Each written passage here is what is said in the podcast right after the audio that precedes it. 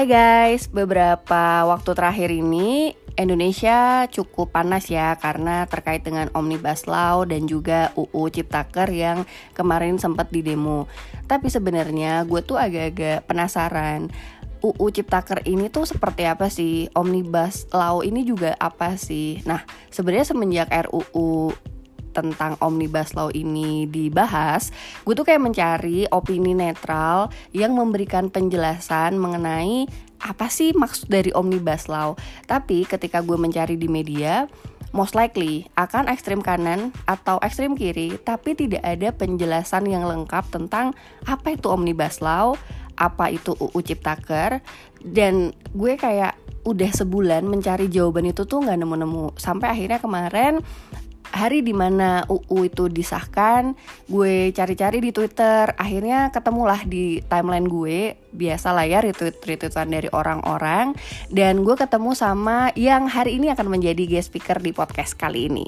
Dan sebelumnya gue kayak sempat ngobrol sama temen gue gitu, kayak melihat omnibus law dari sisi yang lebih luas lagi. Jadi daripada kita agree disagree tapi kita juga nggak tahu isi dari omnibus law maupun including itu ya UU Cipta Kerja itu seperti apa. Kayak gue harus memberikan informasi kepada kalian yang usianya masih 20-an yang masih angkatan kerja awal yang nggak ngerti UU Cipta Kerja apa tapi kok ribut-ribut banget sama seperti gue gitu. So let's figure it out seperti apa sih omnibus law ini dan seperti apa sih Ciptaker yang poin-poinnya agak kontroversial. Benarkah dia kontroversial atau emang ini kita yang nggak paham dengan isi dari UU tersebut? So welcome back to my podcast Curhat 20-an with Mega Agnesti dalam tema ngobrol santai tentang Omnibus Law dan UU Ciptaker.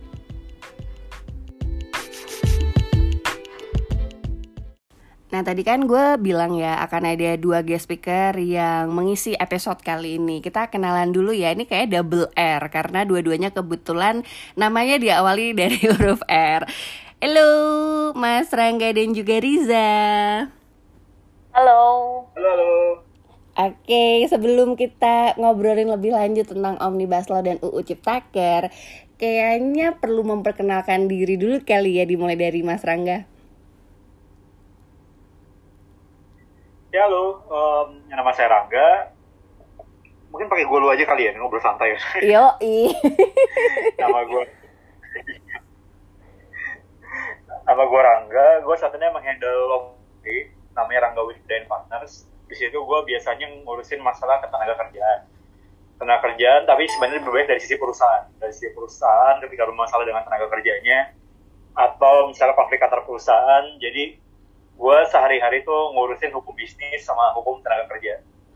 Tapi yang gue wakilin emang jauh lebih banyak uh, pengurus perusahaan sebenarnya sehari-harinya. Jadi mungkin kalau untuk di kalangan pembela tenaga kerja, gue masih belum kedengeran. Karena ya, memang yang gue belin pengusaha biasanya. I see. Untuk sejauh ini. Nah, tapi apa namanya? Tapi di satu sisi gue ngeliatnya sebagai lawyer, gue punya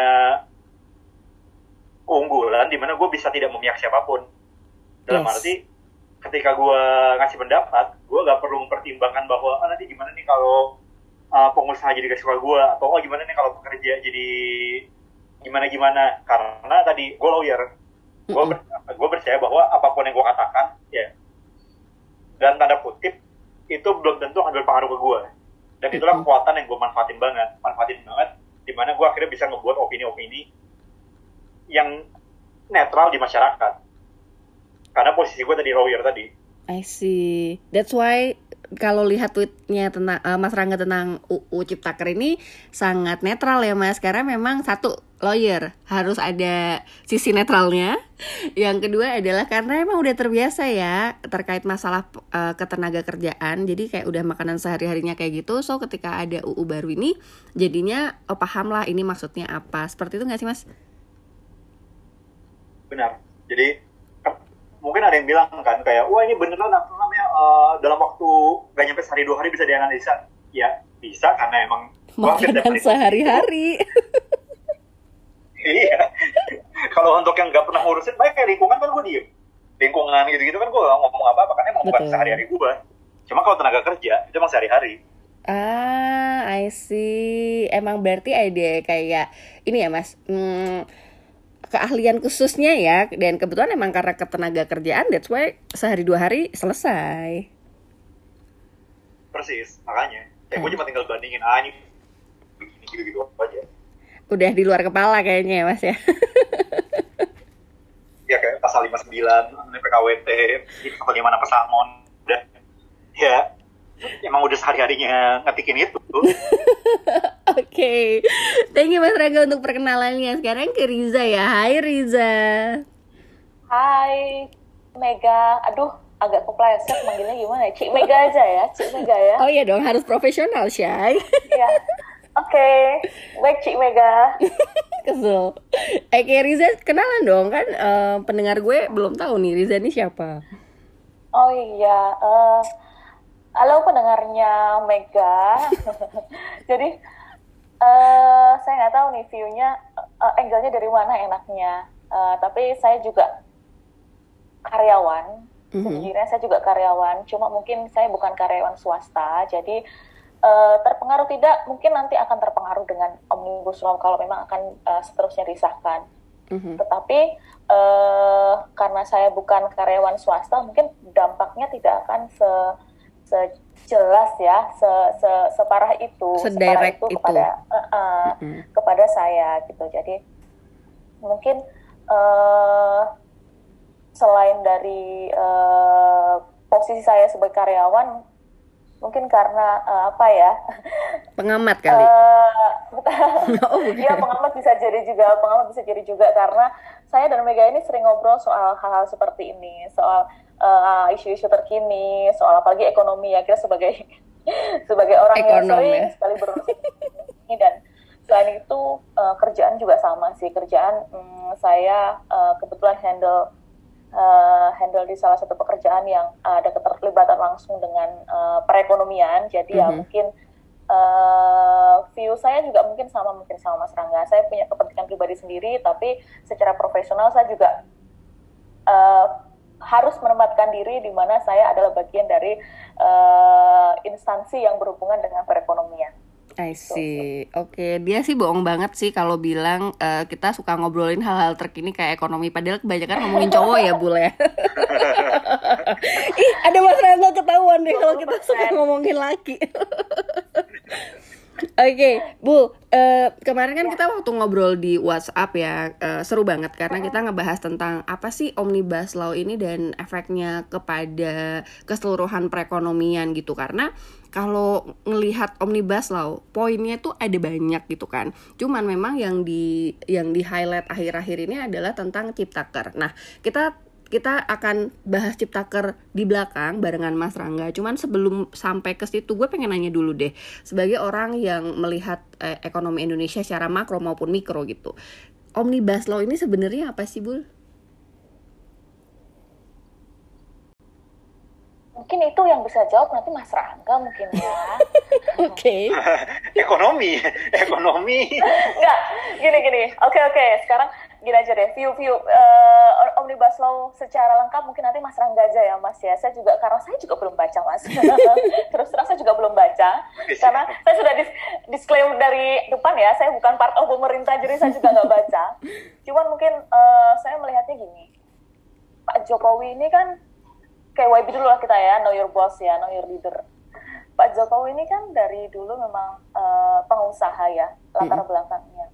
Sejak beliau masuk jadi presiden 2014 sejak itu kan memang arah arah arah arah arah kebijakan. kita tuh udah hmm. udah uh, apa namanya ya fokusnya tuh ke cuan gitu ya ke cuan. Representasinya apa ya? Ya indikator-indikator ekonomi gitu pertumbuhan ketimpangan itu yang dikejar semuanya. Beliau ini kan kayak ambisinya kayak bukan ambisi sih uh, salah satu goalsnya mungkin yaitu dia pengen membuat Indonesia itu uh, jaya kayak secara ekonomi Nah, mm -hmm. salah satunya dengan uh, banyaknya investasi, uh, banyaknya uh, lapangan kerja, banyaknya investasi yang nanti akan memicu lapangan kerja. Mm. Nah, itu satu dulu yang mungkin perlu kita perlu kita perlu kita lihat dulu ya mm -hmm. dari Pak Jokowi ini sebagai uh, leader kita. Terus kemudian kan kita lihat juga China kan uh, sejak beberapa tahun terakhir lah ya 8 7 5 5 sampai 8 tahun gitulah ya dia kan mulai uh, strategi bisnisnya kan mulai agak berubah dia nggak mau lagi ketergantungan sama ekspor jadi pertumbuhan ekonomi yang dulunya dia sangat tergantung dengan ekspor makanya uh, kalau kita lihat ya barang-barangnya kan banyak banget kan made in China, made in China, which is mm -hmm. itu sangat murah gitu karena memang dulu politik bukan politik strateginya China memang membuat uh, eks, membuat barang dia sedemikian rupa diminati sehingga ekspornya bagus. Dampaknya apa? Dampaknya itu barangnya jadi uh, uh, apa namanya ya?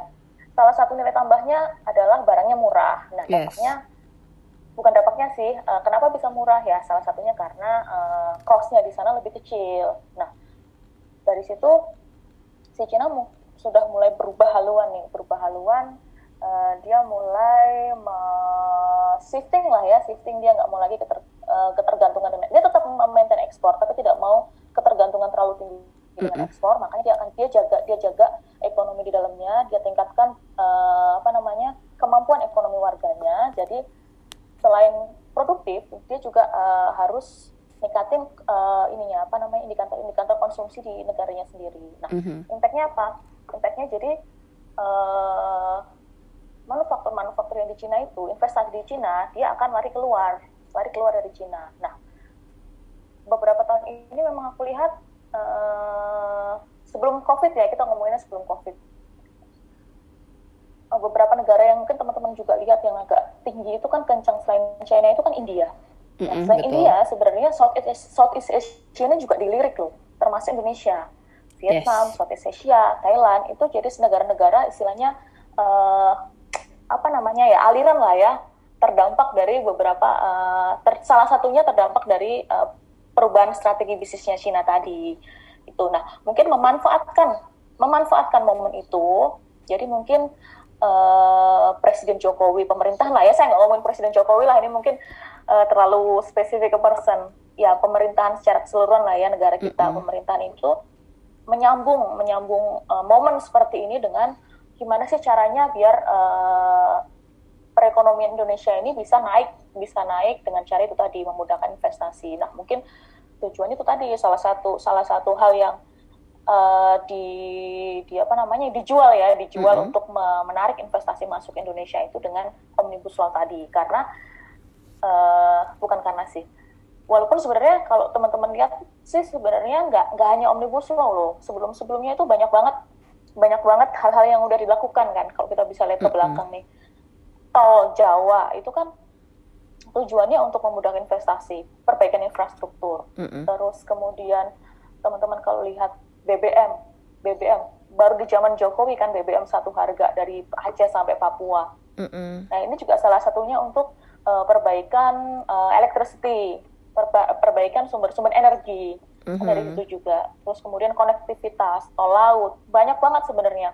Selain itu juga perbaikan di di level uh, apa namanya di level karyawan karyawan apa namanya human resource-nya pun yeah. human resource-nya pun diperbaiki gitu dengan program-program uh, yang KPR, KPR bersubsidi, terus kemudian beberapa program lain itu kan dari 2015 sudah banyak banget program-program yang uh, di, di, dikeluarin gitu loh sama Jokowi. Jadi omnibus law itu hanya part of part of agenda aja, part of agenda menurutku. Okay. Tetapi mungkin omnibus law ini kayak hmm, karena dia undang-undang yang grande ya, yang grande gitu. Jadi Menyeluruh ya. Dia tidak hanya sekedar undang-undang, tapi dia bisa menimpa undang-undang yang lain dan dampaknya banyak. Mm -hmm. Jadi satu peluru bisa uh, menembak ke mana-mana ya mungkin salah satunya yang terdampak sangat signifikan di isu uh, tenaga kerja tadi dan mungkin nanti akan dijelaskan sama Mas Rangga tadi.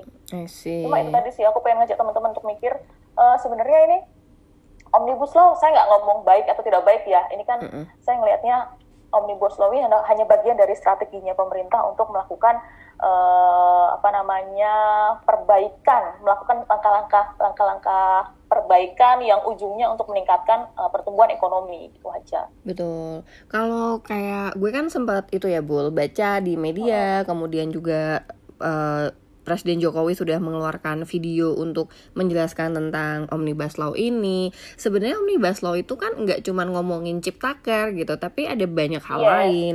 Misalnya kayak ada kesesuaian tata ruang, ada AMDAL, ada sertifikat layak fungsi untuk uh, apa ya standarisasi gedung-gedung yang dipakai untuk usaha gitu kan.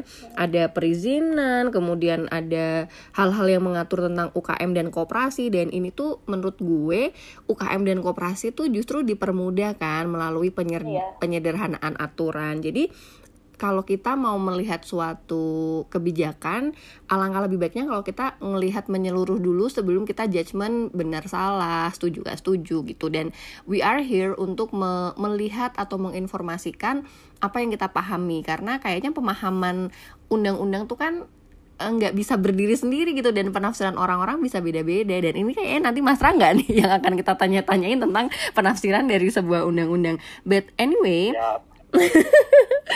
Oke, okay. but anyway kayak yang tadi um, Riza sebutin ya, ada banyak banget uh, kaitan-kaitan ataupun peraturan yang tertuang dalam Omnibus Law ini. Kayak ada juga nih mengenai riset dan inovasi, tentang uh, izin usaha juga, ada lembaga pengelolaan investasi, pengadaan lahan, persyaratan investasi, pokoknya banyak banget lah. Uh, ada 15 poin kalau dari penjelasan Jokowi tentang Omnibus Law itu sendiri. Cuman kenapa ya yang dihalat adalah ciptaker? Nah, oke okay, nanti kita tanya juga tuh ke Mas Rangga. Kayak banyak banget ya pertanyaan untuk Mas Rangga. Betul. Ya. Kalau lo melihat nih Omnibus Law kan sebenarnya secara penjelasan yang gue terima di media maupun yang uh, dengar video dari pemerintah gitu ya kayaknya omnibus law ini justru akan membantu proses uh, investasi gitu baik pengusaha lokal maupun pengusaha dari luar sebenarnya setelah omnibus law ini menurut lo akan seperti apa sih perekonomian Indonesia? Hmm, wah berat sekali ya. Lo jangan berat-berat ya, soalnya ini adalah anak-anak 20-an yang maunya iya, singkat padat berisi. oh my god.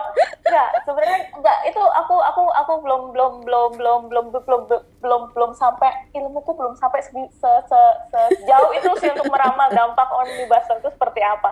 Karena gini, investasi itu bukan hal yang sederhana itu dulu. Mm -hmm. Jadi beberapa alasan beberapa alasan uh, investor untuk menanamkan modal di Indonesia itu nggak cuma hanya isu ketenaga kerjaan. Itu dulu mm -hmm. yang, harus dipahami ya. Jadi uh, kemudahan uh, kemudian peraturan kemudian ketersediaan infrastruktur kan ada banyak banget faktornya ya. Mungkin nanti teman-teman kalau nyari referensi di jurnal oh, bukan jurnal apa namanya di rilis-rilis rilis-rilis resmi itu banyak banget sih uh, dibahas. Sebenarnya yang di yang di yang di yang diinginkan investor itu apa aja APJD mm-hmm. itu banyak banget. Dan uh, ketenaga kerjaan itu hanya part of it gitu yeah. salah satunya aja Betul. salah satunya aja cuman itu tadi sih mungkin uh, karena karena uh, kembali lagi ke alasan kenapa Southeast Asia juga bisa menjadi uh, tempat baru, tempat baru uh, istilahnya dampingan ya, dampingan dampingan industri-industri uh, industri-industri di Cina yang nanti yang yang yang dia nggak mau lagi untuk jual murah itu, akhirnya kan akan pindah ke sini. Jadi akan menggunakan trik yang sama gitu loh. Jadi mm -hmm. untuk untuk untuk kita bisa menarik investasi, kita juga bisa harus kita juga akan uh, uh, akan akan melakukan uh, menurutku ya, menurutku Indonesia ini mikirnya gini untuk bisa menarik investasi investasi yang uh, yang buangan dari Cina tadi Indonesia harus harus bisa jualan seperti itu gitu loh. Jualannya mm -hmm. apa? Ya chip chip chip chip chip production cost gitu. Biaya biayanya akan murah. Biaya murah itu seperti apa sih?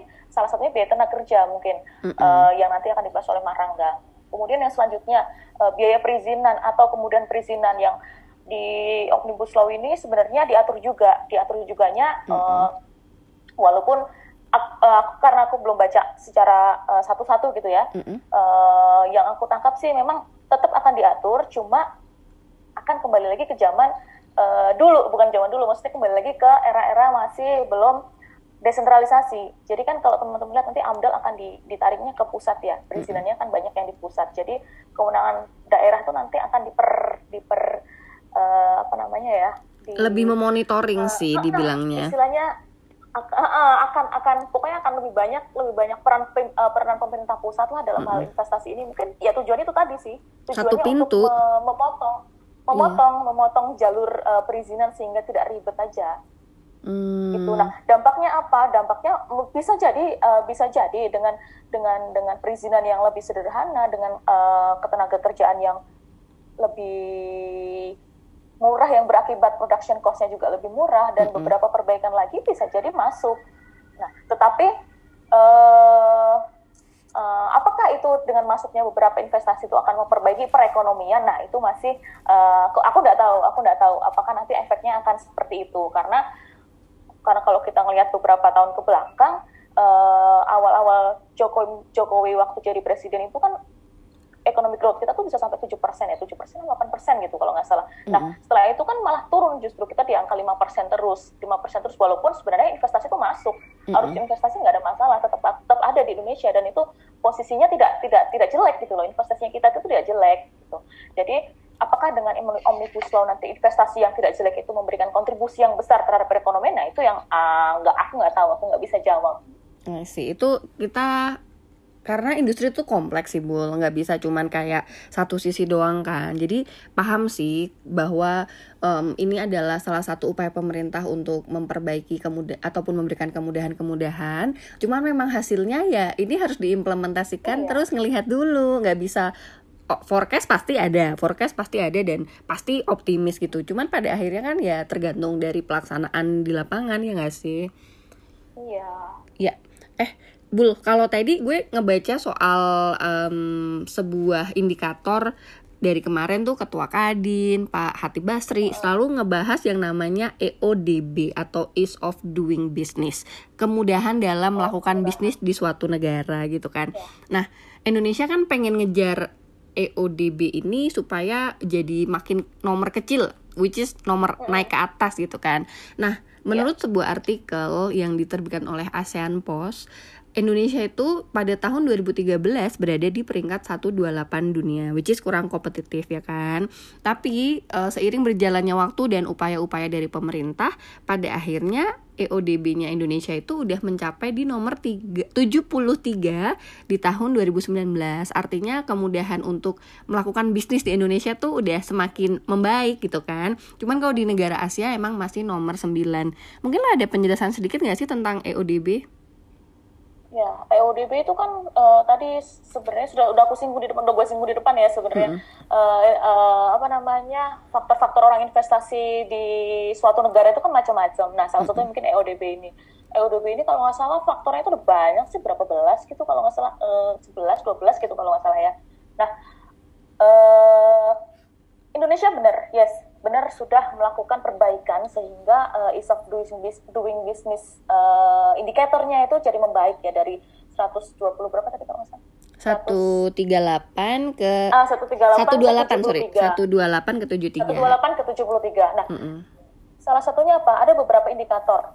Uh, ini yang aku ingat adalah yang gue ingat adalah uh, electricity. Electricity kita itu dulu itu jelek banget. Salah satunya juga karena uh, ketersediaan apa namanya uh, bahan bakunya itu loh, Cik, bahan bakunya BBM-nya, BBM-nya itu nggak gampang. Hmm. Nah, sama Presiden Jokowi itu benar-benar dimaksimalkan ketersediaan BBM dengan saat harga yang sama dari Aceh sampai Papua. Mm -mm. Perbaikan dia itu dia tuh punya dia tuh benar-benar punya uh, revolusi terkait dengan logistik ya sumber energi. energi sumber energi, energi. karena mm -mm.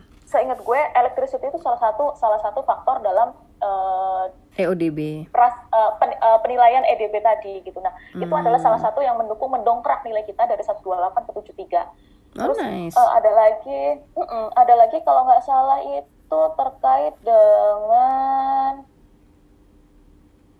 uh, apa namanya kredit juga ya, kredit ya. Uh -uh. Kredit juga ada perbaikan kalau nggak salah, perbaikan kemudahan untuk pemberian kredit. Satu, yang kedua, kalau kalau lo perhatiin ya Ci ya, teman-teman perhatiin kalau punya deposito di bank, mm-hmm. lihat aja deh tiga tahun ke belakang, gimana bunganya turun nggak? Turun kan? Mm-hmm. Aku ingat banget dulu tuh dulu tuh waktu awal-awal gue bikin deposito itu itu returnnya di bank umum itu bisa sampai enam tujuh enam enam persen, enam persen return return per year-nya. Mm-hmm. Sekarang empat bo. yes kan? Itu salah satunya, itu salah satunya si Presiden Jokowi ini dia tahu cost cost financial cost Indonesia itu tinggi. Mm-hmm karena bunganya tinggi. Kenapa bunganya tinggi? Ya karena uh, dapat duitnya juga mahal. financial institution banks itu dapat duitnya aja mahal gitu dapat dapat dana pihak ketiga deposito dapat mm -hmm. tabungannya itu high cost banget karena bunganya tinggi mm. Jadi dia harus jualan kan dengan harga tinggi juga dong bunga kredit ke investor eh ke oh, apa iya. pengusaha juga harus tinggi dong betul betul nah nah itu kan berarti high cost untuk financial system uh, financial support Product. ya kan mm -hmm. nah financial supportnya high cost. Nah, di beberapa tahun ini sejak Presiden Jokowi menjabat, teman-teman tadi tadi ya, uh, lu bisa ngerasain juga kan bunga deposito turun. Gue sebagai klien yang nggak happy dong, Bo. iya. Tapi kan sebagai pengusaha itu it's a good sign, it's a good mm. sign buat pengusaha. Ketika bunga bunga bunga bunga kreditnya turun ya, gue berarti uh, lebih lebih lebih efisien lagi gitu loh. Yeah. Jadi itu juga salah satu salah satu yang membuat uh, apa namanya is uh, is of doing business kita tuh juga mm. membaik karena kemudahan bukan kemudahan karena kredit akses kreditnya itu jadi lebih uh, enak di sisi pengusahanya. Nah kalau investor ya beda perkara ya kita kan yeah. ngomonginnya di angle pengusaha mm -hmm. itu lebih bagus. Kemudian apa lagi yang bagus ya? Pajak kan juga banyak insentif yeah, kan betul, kalau nggak salah. Iya pajak banyak insentif. Jadi uh, kembali lagi Presiden Jokowi sejak menjabat di 2014 view-nya itu cuan cuan cuan gitu loh, mm -hmm. cuan aja.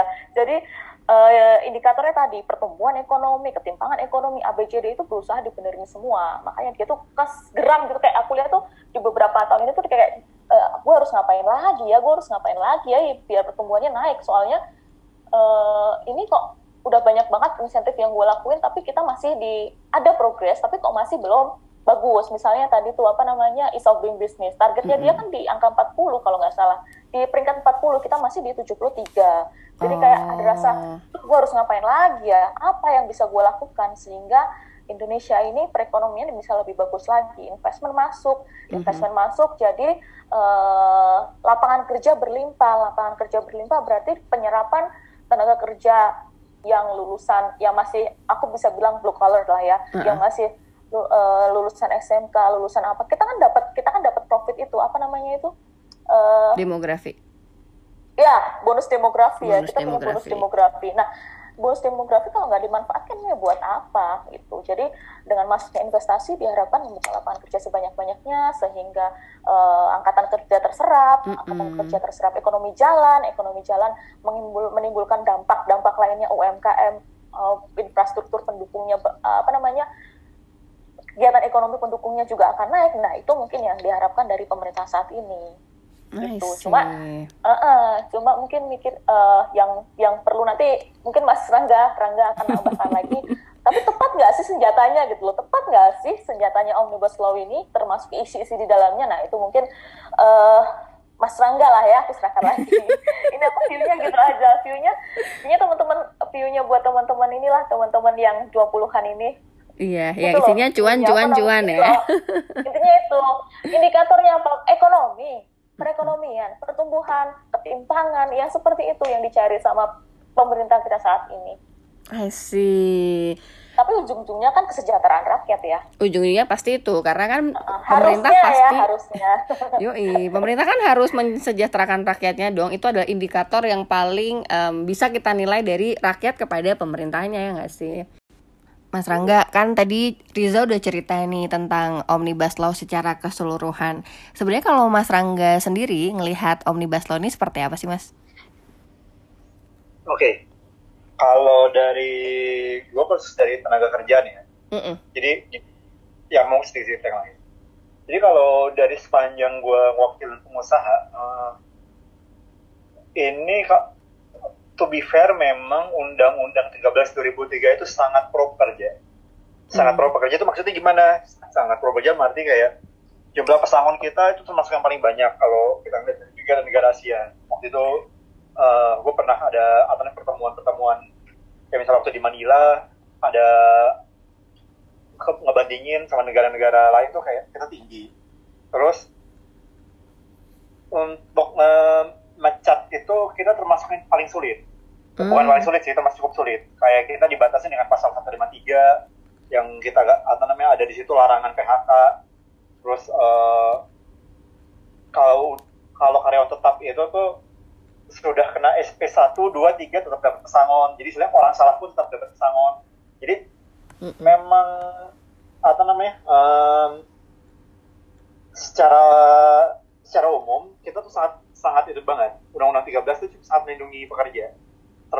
Permasalahan dengan tenaga kerjaan kita saat ini sebenarnya bukan kalau untuk tenaga kerja ya, mm-hmm. bukan masalah undang-undang yang melindungi, undang-undang yang melindungi, cuma gak dijalanin.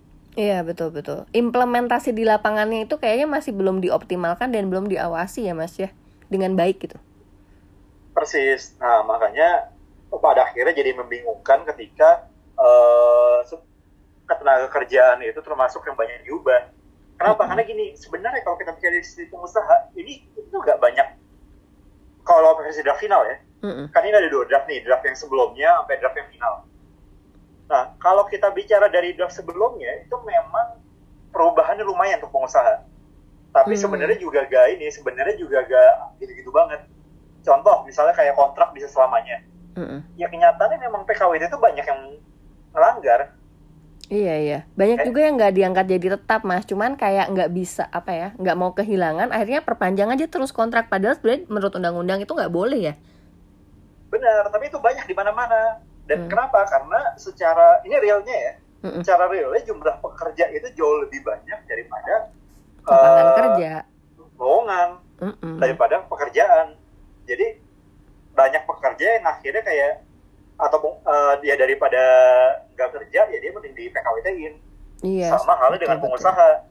Kalau kalau pekerja nggak mau gimana misalnya pekerjanya kayak bilang wah nggak mau kan saya maksimal lima tahun. Ya silakan pergi.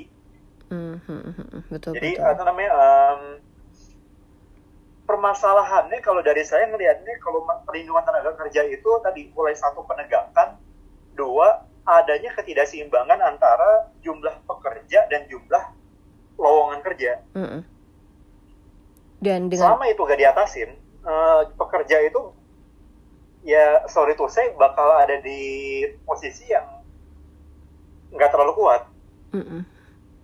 Mm -mm, paham. Nah, tapi gini memang pak, tapi memang pekerja itu bisa punya ruang untuk melawan di pengadilan, pengadilan hubungan industrial contoh yang tadi pekerja yang diperpanjang terus-terusan mm -mm. itu sebenarnya bisa tuh minta jadi karyawan tetap. Atau pekerja yang dapat UMK uh, eh, yang di, dapat di bawah UMK itu bisa sebenarnya dia mereka ngagugat perusahaan di pengadilan minta apa namanya dibayar di atas UMK bisa. Cuma tadi perlu melewati jalur hukum dulu biasanya. dan, dan mahal nggak sih mas untuk melakukan hal tersebut? Uh, sebenarnya kalau untuk pekerja terutama di di untuk pekerja yang kayak buruh itu nggak terlalu belum tentu mahal karena banyak serikat pekerja. Oh. Jadi pekerja itu sebenarnya bisa diwakili oleh serikat pekerja yang memang sah, serikat pekerja yang sah yang uh, di mana serikat pekerja itu tuh bisa, bisa punya hak untuk mewakilin pekerjanya. Uh, pekerja itu dia sistemnya profit sharing. Profit sharing dalam arti kalau menang itu di share kalau enggak biasanya ya sekitar sejuta dua juta biasanya. Uh. jadi rate buat tenaga kerja itu emang agak rendah. I see. Tapi di mana tapi lawyer lawyer tenaga kerja biasa tetap mau karena kalau ini sejuta nih misalnya sejuta dua juta. Dua juta ini kalau misalnya pekerja menang itu nanti dia dikasih pembagian. Mm. misalnya kayak kadang-kadang tiga puluh tujuh puluh. Yang paling sering biasanya tiga puluh tujuh puluh. Atau dua lima tujuh lima. Jadi kalau misalnya pekerja menangnya cuma misalnya pekerja menangnya 20 juta ya berarti nanti 6 juta buat lawyernya 14 juta buat pekerjanya kayak gitu I see Baik mas, kalau kita lihat dari netral judgment nih mas, sebenarnya omnibus ya. law kalau dibandingin dengan UU ketenaga kerjaan nomor 13 ya tahun 2003, uh, ya. pasti lebih banyak perbedaannya. Maksudnya ada yang diubah, ada yang diperbarui, tapi ada juga yang tetap gitu. Nah kalau ngelihat beberapa poin yang kontroversial nih mas, kayak ada sekitar lima nih yang yang kemarin juga Mas Rangga sempat jelasin di tweet dan di beberapa media tuh banyak banget di highlight poin-poin ini.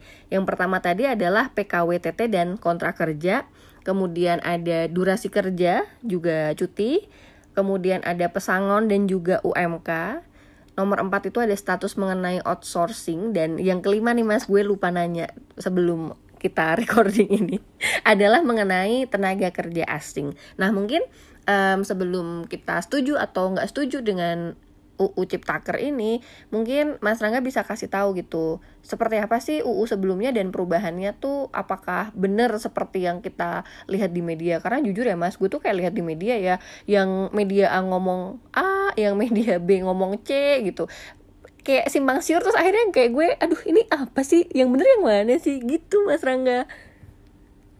Yang PKWTT dulu ya sama kontrak kerja. Oke okay, uh, eh, kalau PKWTT itu jadi sebenarnya gini PKWTT untuk masalah kontrak kerja ini PKWTT itu timbul karena uh, ada kekhawatiran bagi pekerja bahwa mereka bisa dikontrak seumur hidup. Oke okay, itu kekhawatirannya ya ya PKWTT-nya itu sebenarnya sih tidak banyak berubah tapi yang yang jadi masalah adalah soal bagaimana uh, pekerja bisa dikontrak seumur hidup sehingga tidak menjadi tidak akan menjadi PKWTT. Oke. Okay. Jadi permasalahan PKWTT ini sebenarnya bukan di PKWTT-nya per se, tapi lebih kepada permasalahan bahwa pekerja ini bisa jadi sangat sulit untuk menjadi PKWTT. Mm -mm. Nah, Eh, tapi jadi gini, memang kalau kita bicara di undang sorry di omnibus omnibus law yang sebelumnya mm-hmm. di draft yang sebelumnya beredar mm-hmm. bukan yang final mm-hmm. itu memang valid concernnya valid dalam arti memang di situ pasal 59 pasal yang mengatur mengenai batas waktu PKWTT PKWT itu hilang. Oke. Okay. Tapi kalau kita bicara di draft final uh, itu muncul lagi meskipun uh, muncul lagi dengan penggantungan penggantungan dalam arti batas waktu perjanjian kerja diatur dengan peraturan pemerintah yang kalau dihukum tuh jadi dalam tanda kutip jadi kayak sama aja bohong sama aja hmm. bohong karena berarti akan ada durasi seperti yang tadi dijelasin di webinar gue sebelumnya hmm. akan ada durasi di mana uh, pekerja itu bisa dikontrak dengan batas waktu yang jelas hmm. sampai akhirnya peraturan pemerintah keluar Ketakut. Nah, kalau, hmm? Kenapa? Ketakutannya orang-orang kan nggak diangkat jadi pegawai tetap berarti ya Mas ya? Persis. I see. Dan kalau gue lihat nih ya Mas ya, kalau kayak ya. misalnya admin gitu, ada probation tiga bulan. Iya sih setelah tiga bulan selesai, opsinya kalau misalnya dia probationnya failed, dia selesai. Kalau probationnya bagus, dia diangkat jadi pegawai tetap. Sementara kalau emang PKWT adalah pegawai-pegawai kontrak yang satu tahun kontrak atau paling lama kan dua tahun ya mas. Terus abis gitu uh, dia tuh bisa dikontrak lagi kayak lima tahun tadi ya, ya kan? Dua satu dua, bener. Ya. Nah Artinya di UU Ciptaker ini uh, dia menyebutkan bahwa PKWT tidak ada batas waktunya, tapi akhirnya ada penjelasan batas waktu, namun akan diatur dengan PP. Ya. Betul seperti itu ya. Akan diatur sama PP. Nah, itu menurut Mas Rangga, opini untuk karyawan gitu ya, merugikan atau tidak? Merugikan merugikan, merugikan ya. karena batas waktu pada detik ini kalau kita lihat di draft itu gak ada batas waktunya memang tidak ada batas jadi waktunya gini ini cara ya cara cara kita baca ya, cara kita baca peraturan ya mm -mm. jadi kalau kita pasal 59 itu sekilas memang kayak gak ada yang berubah jadi di pasal 59 ayat 1 ini dibilang bahwa perjanjian itu dibuat untuk pekerjaan yang diperkirakan penyelesaiannya dalam waktu yang tidak terlalu lama Hmm. Jadi kesannya memang oh sama aja nih kan tidak terlalu lama, berarti cuma bisa setahun dua tahun maksimal. Mm Kesannya seperti itu. Tapi yang berbahaya adalah secara hukum pekerjaan waktu tidak terlalu lama ini berapa lama? Mm -mm. Jadi kalau secara hukum tuh sebenarnya harus jelas karena nantinya ini akan diserahkan ke hakim. Coba kalau misalnya nanti hakimnya bilang e, berapa berapa lama kamu dipekerjakan? lima tahun ah gak lama itu saya udah jadi hakim 25 tahun misalnya udah 30 tahun jadi hakim 5 tahun mah kamu paling baru belum umur 30 lah itu. Atau baru umur 30 lah itu. Kayak gak jelas. Mm -mm. ada juga mungkin hakim lain kayak berapa lama? 2 tahun. Wah itu katanya dipekerjakan 2 tahun itu wah, uh, harusnya tetap itu gak bisa. Kelamaan itu 2 tahun misalnya. Mm -mm. kita kita nggak tahu berapa waktu tidak terlalu lama ini berapa lama. Jadi dan ini akhirnya bisa jadi ambigu. Ambigu kayak bisa aja orang dipekerjakannya satu bulan satu bulan satu bulan satu bulan terus bikin kontrak satu bulan. Sampai 10 tahun kemudian. Sampai 10 tahun kemudian. Berapa lama perjanjiannya? Satu bulan pak. Iya iya iya I see, I got it sih mas. Cuman tadi mas seperti yang Riza atau kamu sebutin ya yang di awal bilang bahwa Indonesia ini adalah salah satu negara yang susah banget PHK. Dan benar, gue kan sempat nyari-nyari tahu ya tentang competitiveness Indonesia dalam uh, negara-negara ASEAN tuh seperti apa. Disebutkan memang uh, dari beberapa negara ASEAN, Indonesia tuh emang yang paling susah sih untuk untuk uh, memecat orang gitu dan mungkin pasal atau poin ini yang pengen difasilitasi melalui si UU Ciptaker ini karena memang kalau baca dari jadi ini yang ngeluarin jetpro.go.jp mas ini adalah uh, kayak lembaga lembaga di Jepang yang melihat seperti apa sih manufaktur Jepang di negara-negara ASEAN dan Cina serta India gitu.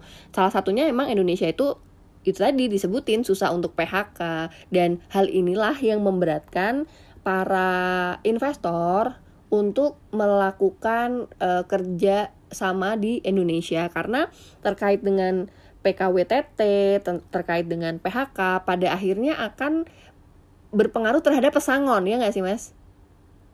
Benar.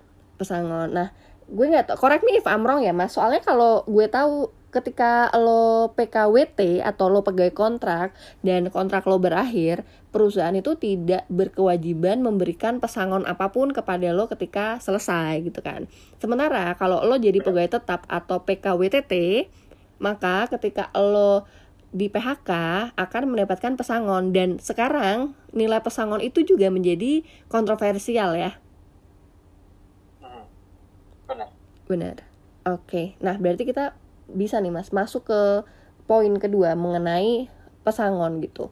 Pesangon ini seperti apa sih mas perbedaan dari UU sebelumnya sama UU Ciptaker sekarang? Oke, okay, uh, pertama gini, kemudahan kesulitan menterminate tadi ini sekilas yang tadi ya, mm -mm. mundur dikit. Kesulitan untuk memecat itu sebenarnya hanya berlaku dalam tanda kutip berlaku itu di PKWTT. Yeah karena kalau PKWT kita selain jangka waktu berakhir kita bisa melihat kontrak mereka mm -mm. nah tapi kalau PKWT itu tadi orang salah pun juga tetap harus dibayar mm -mm. di di mana kalau kita di Undang-Undang 13 yang dulu tadi mm -hmm. kalau ada pekerja salah bukan cuma masalah dia salah harus di ini bukan cuma masalah kalau dia salah uh, bisa atau harus bayar pesangon tapi dia salah pun harus di SP 123 dulu ya betul tiga, tiga kali di SP baru bisa dipecat dengan pesangon. Nah itu tuh menyulitkan. Oh nah, oke. Okay. Jadi memang ketika di undang di Citak, nah Citak itu hilang. Cuma gini, satu hal yang banyak orang bis, mereka nganggapnya kayak, wah pemecatan dengan SP 123 itu tidak ada pesangon. No, itu fokusnya wrong, mm -mm. fokusnya salah. Kayak bukan dia pemecatan SP 123 gak dapat pesangon. SP 123 nya nggak ada. Yang berarti lo kalau lo salah lo bisa dipecat dengan pesangon.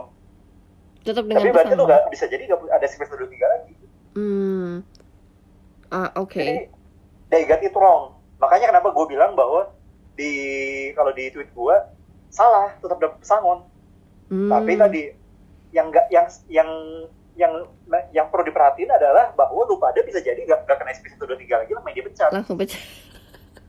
wow, agak shocking sih karena gini mas, ini ada beberapa perusahaan.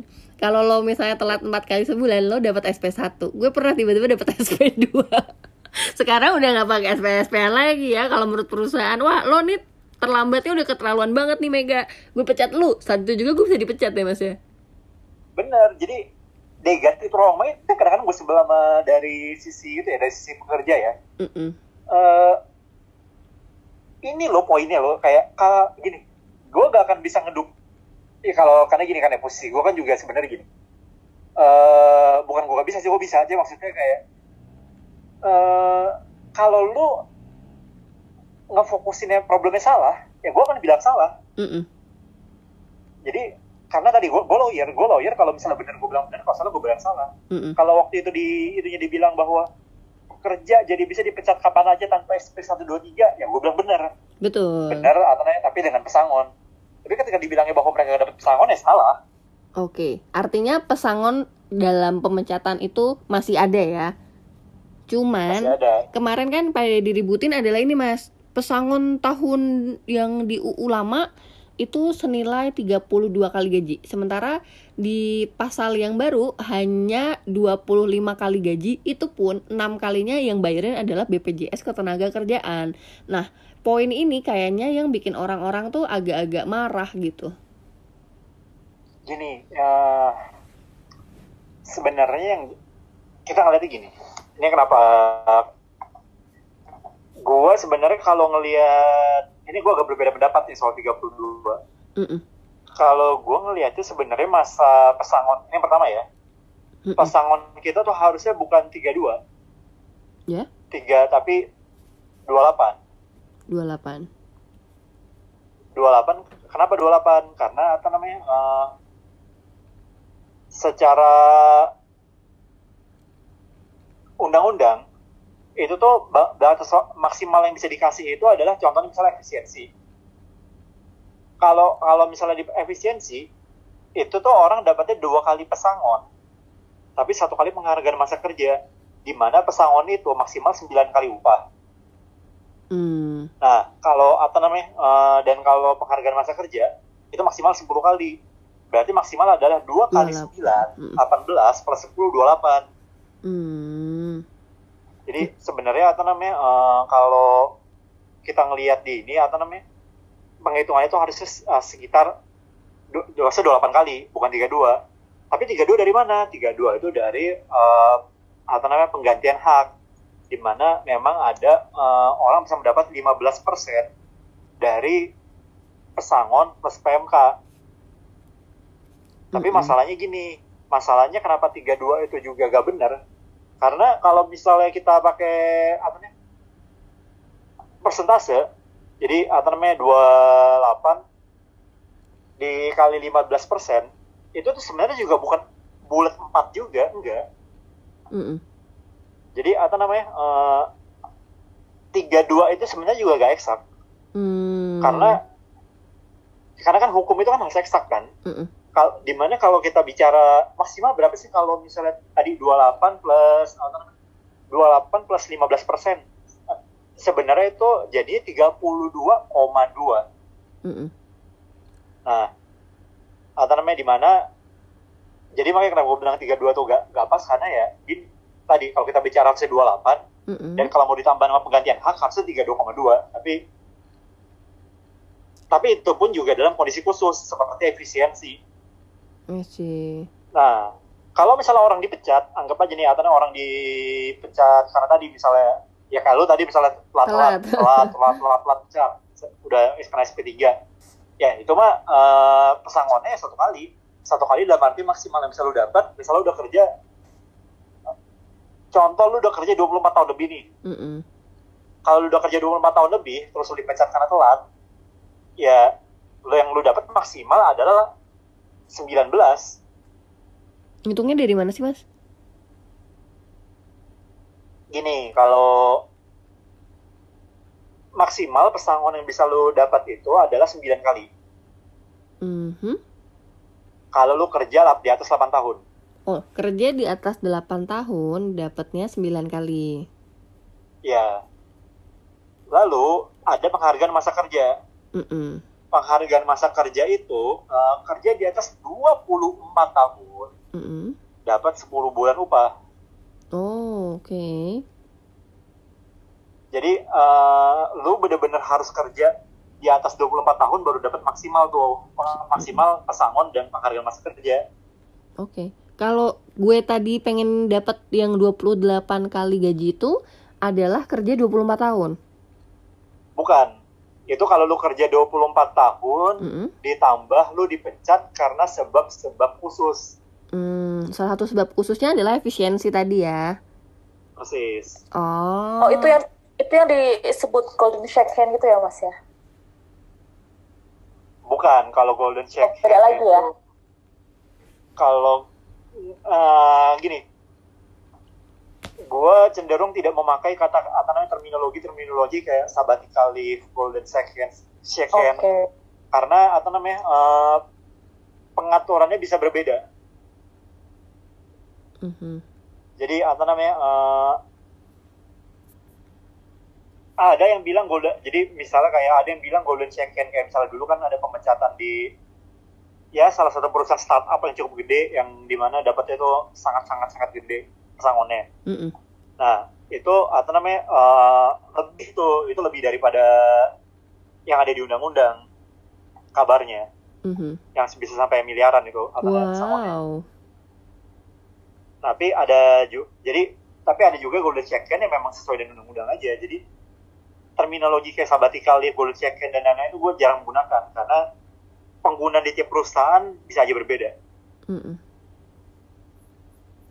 Nah, contohnya tadi kayak misalnya tadi uh, regency atau misalnya ad, lu tidak diikut sertakan apa namanya ketik uh, pada program pensiun ketika lu memasuki usia pensiun itu juga dapat apa namanya uh, 28 kali itu. Hmm, tapi Jadi itu harus sebab khusus. Tapi kalau sebabnya tidak khusus nih Mas, normal gitu. Dalam keadaan normal, uh, dapatnya tuh sampai 28 atau cuman 19? Maksimal 19 udah gak bisa lebih. Most likely tuh 19 ya normalnya ya. Iya. Oh, oke oke oke. Nah, terkait dengan aturan pesangon nih Mas. Tadi kan uh, adanya perubahan pesangon dan kata-kata dalam UU yang dibilang gini Mas.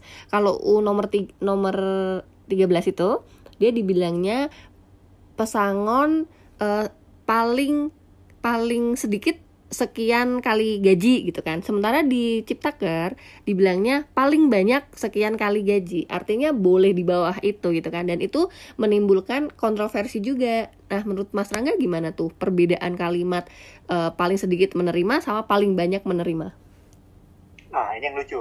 Ini yang lucu dalam arti kalau kita lihat draft omnibus draft omnibus law yang awal dengan omnibus law yang final, mm -hmm kebanyakan itu pekerja jadi menjadi lebih diakomodir. Okay. Contohnya kayak tadi misalnya untuk uh, eh, PKWT yang tadinya bisa sampai seumur hidup, sekarang jadi dikembalikan lagi pengaturannya. Meskipun tadi menggantung di peraturan pemerintah.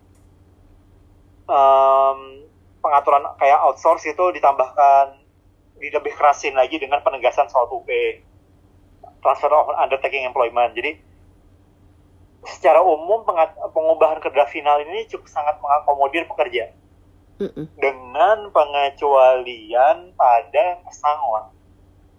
Mm -hmm. Di mana kalau kita lihat di pesangon itu maka jadi aneh.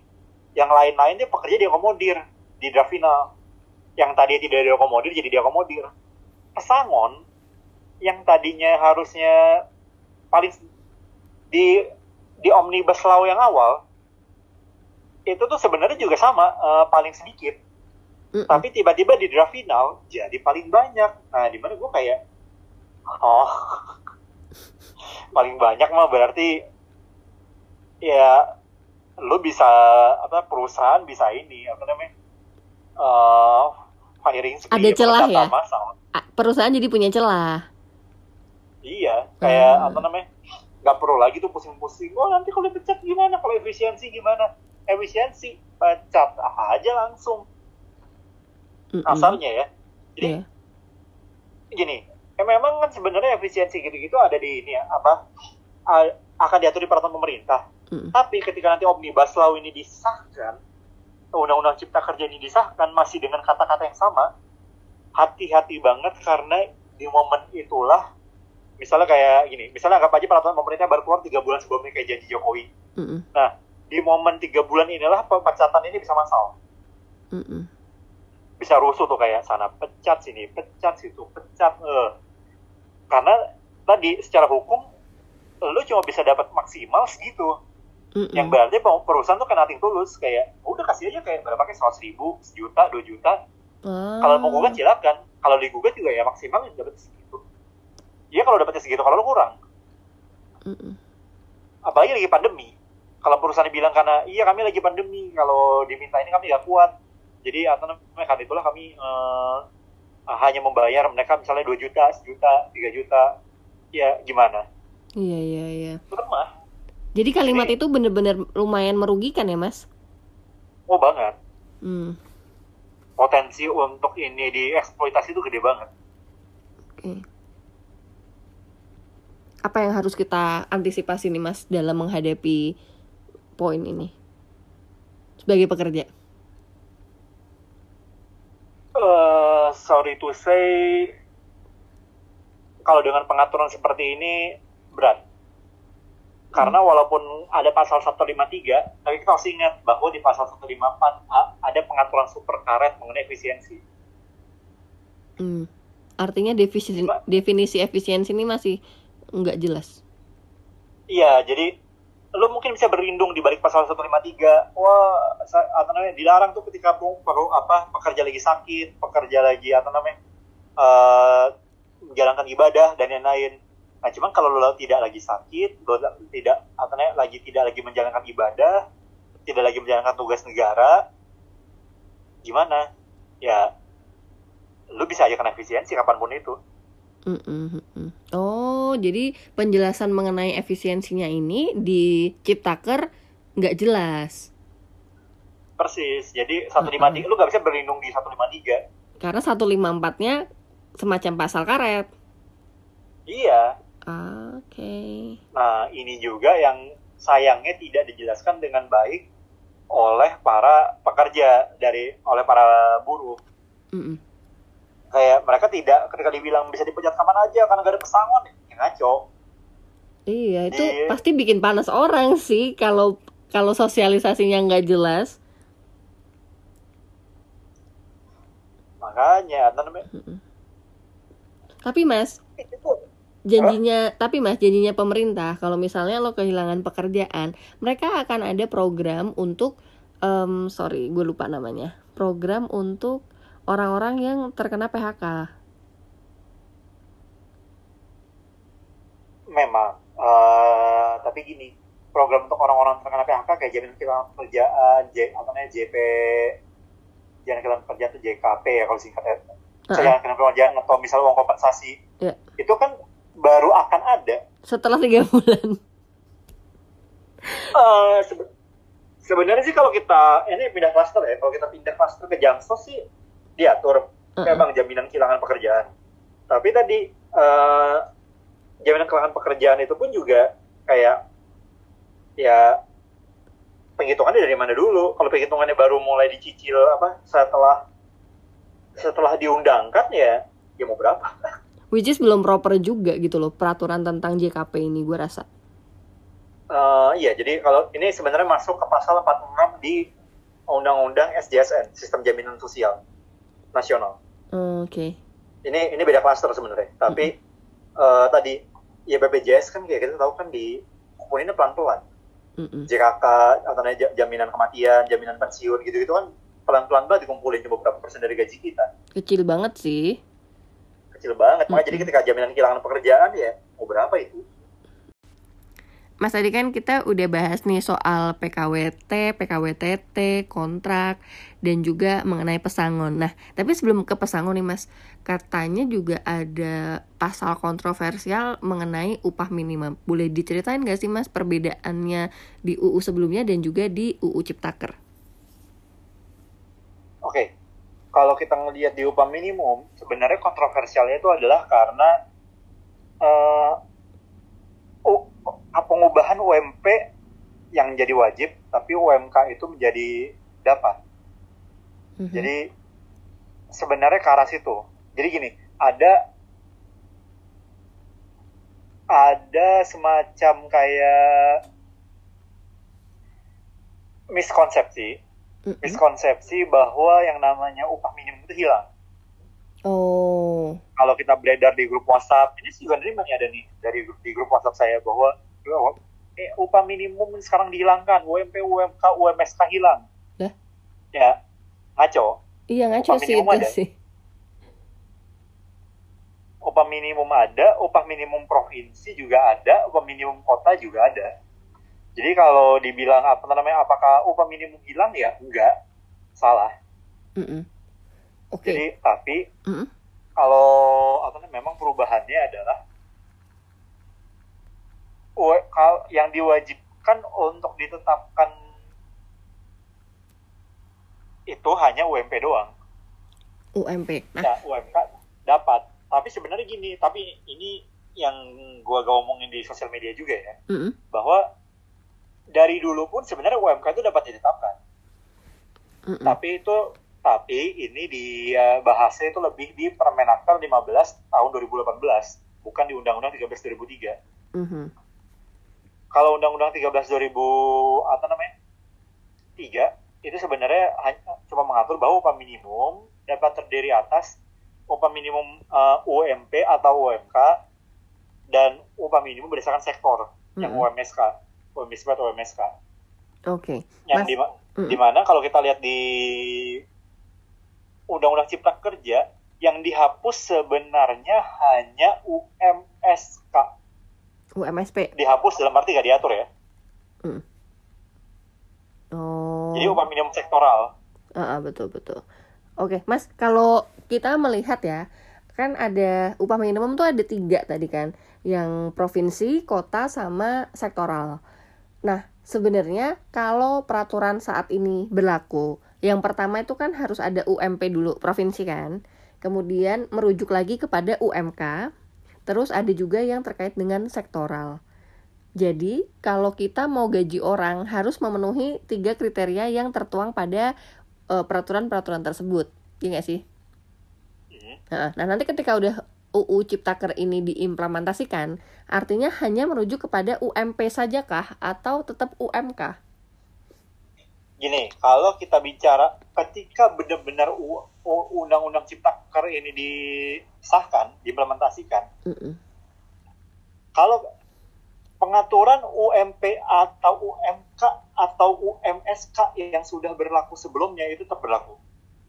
Mm -hmm. Hanya untuk pertama kali.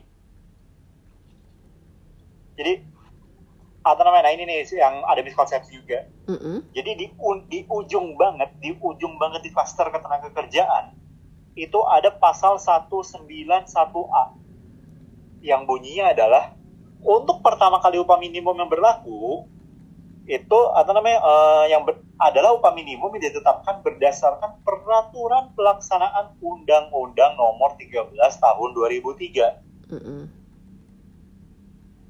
Jadi itu yang akan pertama kali berlaku yang berdasarkan Undang-Undang Nomor 13 Tahun 2003. Mm -hmm. Jadi atau namanya kalau misalnya dulu ada UMP, UMK, UMSK gimana? Tetap berlaku.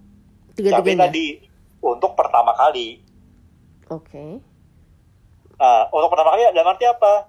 Contoh nih misalnya kayak berlakunya nih anggap aja tahun 2000 ya tahun 2020. Mm-hmm. Ya bisa jadi berarti nanti di tahun 2021 lah baru kita UMK hilang.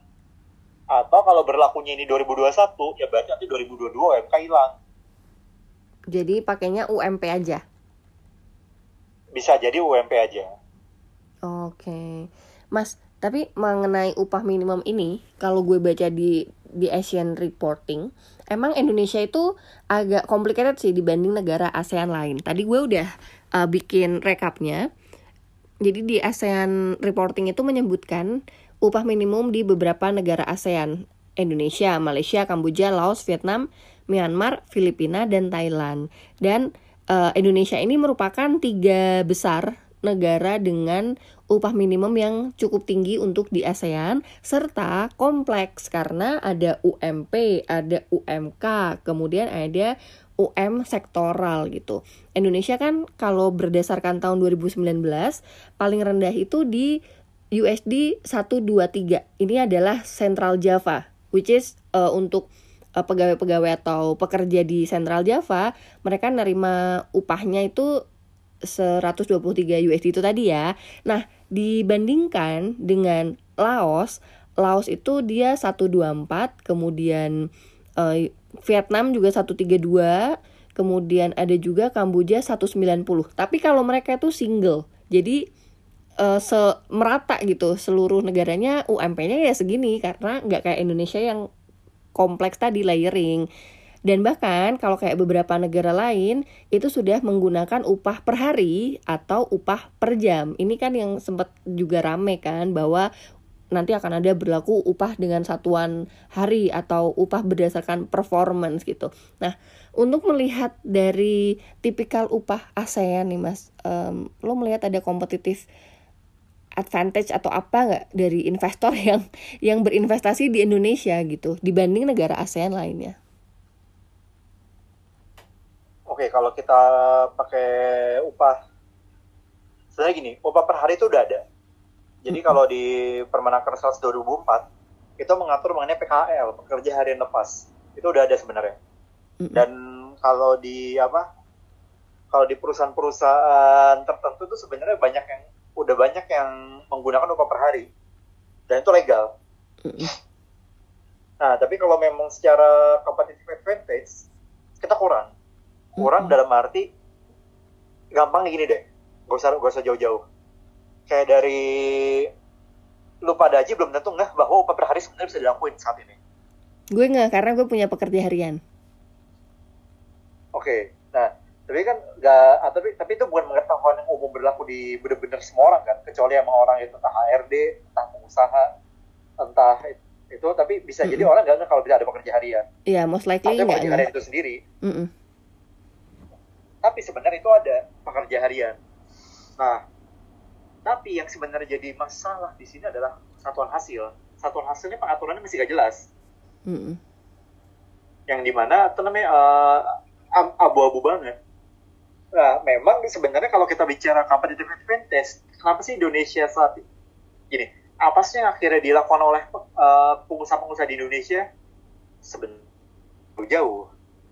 Kita bisa melihat contoh paling nyata yang dilakukan oleh perusahaan Indonesia untuk mempunyai competitive advantage dengan yang lain adalah kemitraan Gojek, Grab, salah satunya paling gede. Hmm. Di mana pada akhirnya mereka mendasarkan itu bukan pada Undang-Undang 13 2003. Karena jatuhnya mitra, jadi, bukan karyawan ya.